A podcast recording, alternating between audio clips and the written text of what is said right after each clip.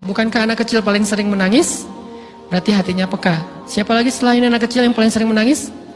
Cewek. Cowok itu emang gak punya perasaan, makanya jarang nangis.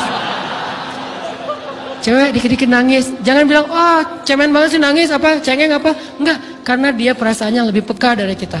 Itulah kenapa Allah menitipkan bayi kepada perempuan. Kalau dititipin ke laki-laki, hancur.